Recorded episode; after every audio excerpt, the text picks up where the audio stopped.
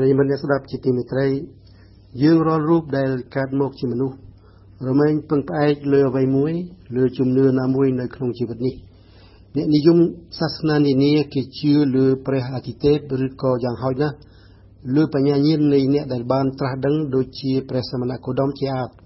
រីឯអ្នកឥតនិយមសាសនាគេក៏មានជំនឿដែរគឺជឿលើគណិតវិទ្យាឬក៏វិទ្យាសាស្ត្រជាមគ្គុទ្ទេសក៍របស់គេ យើងអាចយល់ដឹងថាអ្នកនេះជឿនេះឬអ្នកនោះជឿអ្វីមួយទៀតនោះបានក៏អាស្រ័យនៅសេចក្តីអះអាងថ្លែងការស្វាធ្យាយតតគ្នាអំពីសំណាក់អ្នកដែលមានជំនឿទាំងឡាយនោះអញ្ចឹងសេចក្តីអះអាងថ្លែងការជាជំហានទី1ក្នុងការប្រកាន់យកជំនឿណាមួយ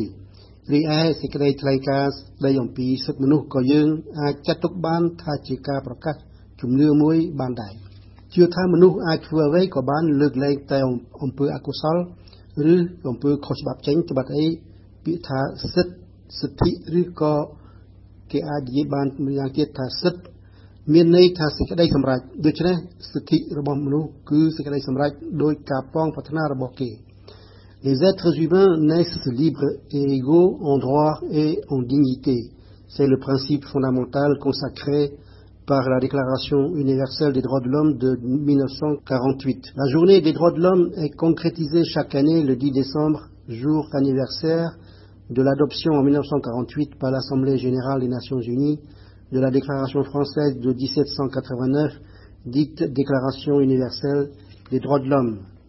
នៅទីក្រុងភ្នំពេញទិវាសិទ្ធិមនុស្សបានចាប់ផ្ដើមឡើងកាលពីថ្ងៃសៅរ៍7ធ្នូម្លេះគេឃើញមានប្រធានបទ3ដែលលេចធ្លោ នៅទីលានពហុកីឡាអូឡ িম্প ិកក្នុងការប្ររពបុណ្យសិទ្ធិមនុស្សនេះគឺសិទ្ធិរបស់ក្រុមអ្នកស្រឡាញ់ភេទដូចគ្នាសិទ្ធិរបស់ស្ត្រីនិងសិទ្ធិបរិស្ថាន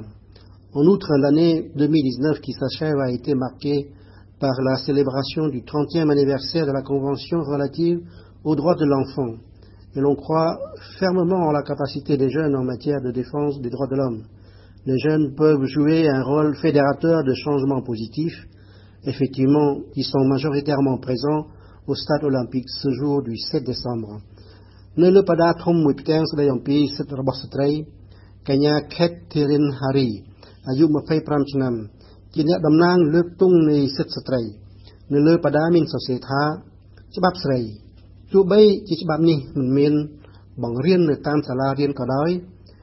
ប៉ុន្តែផ្នត់គំនិតនេះនៅតែចាក់ឫសគល់យ៉ាងជ្រៅក្នុងវប្បធម៌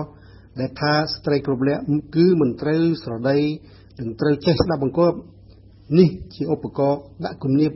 ដោយចែងអំពីវិសមភាព gender និងបាត់បង់អំពើហិង្សាចំពោះស្ត្រីទាំងនៅក្នុងនិងក្រៅផ្ទះ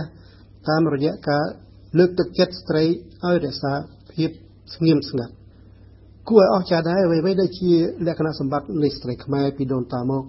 ត្រូវបានទទួលការវាយប្រហារបែបនេះដោយចេញមុខ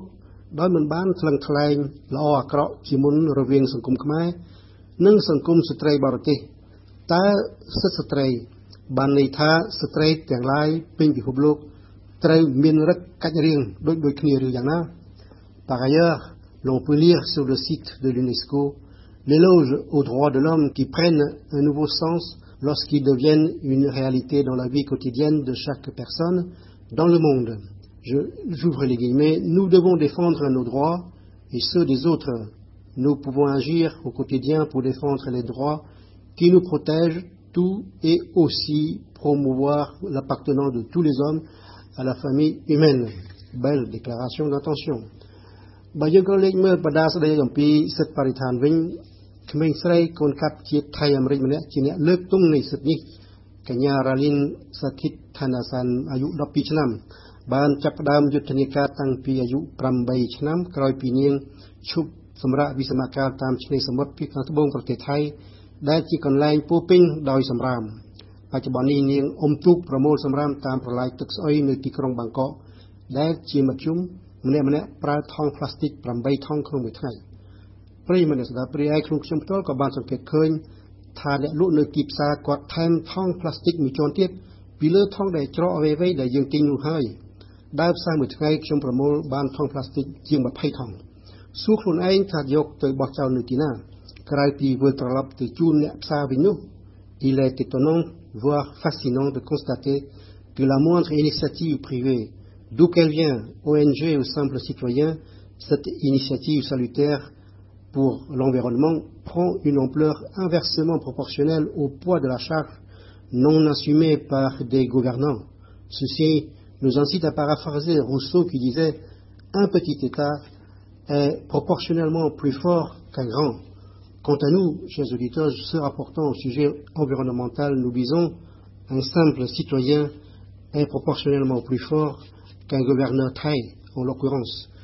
ba volmo picarna pi pi sat manuh សិទ្ធិមនុស្សម្ដងវិញទៀតសិទ្ធិឬសិទ្ធិបានន័យថាសេចក្តីសម្រេចអំណាចនៃសេចក្តីថ្លែងការណ៍ស្តីពីសិទ្ធិមនុស្សបារាំងនាឆ្នាំ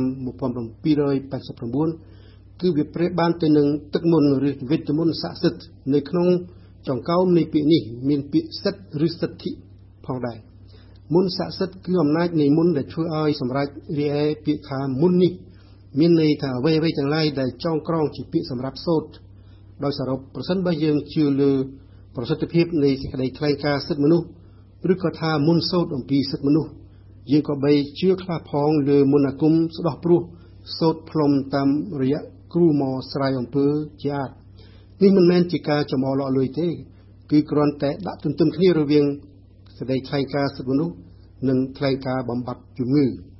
Force est de constater, chers auditeurs, que les déclarations se suivent, mais elles ne ressemblent pas. À savoir, déclaration relative aux droits de l'enfant, déclaration universelle sur la bioéthique et les droits de l'homme, déclaration universelle sur les génomes humains et les droits de l'homme, etc. Merci d'avoir écouté, chers auditeurs. Au revoir et à bientôt.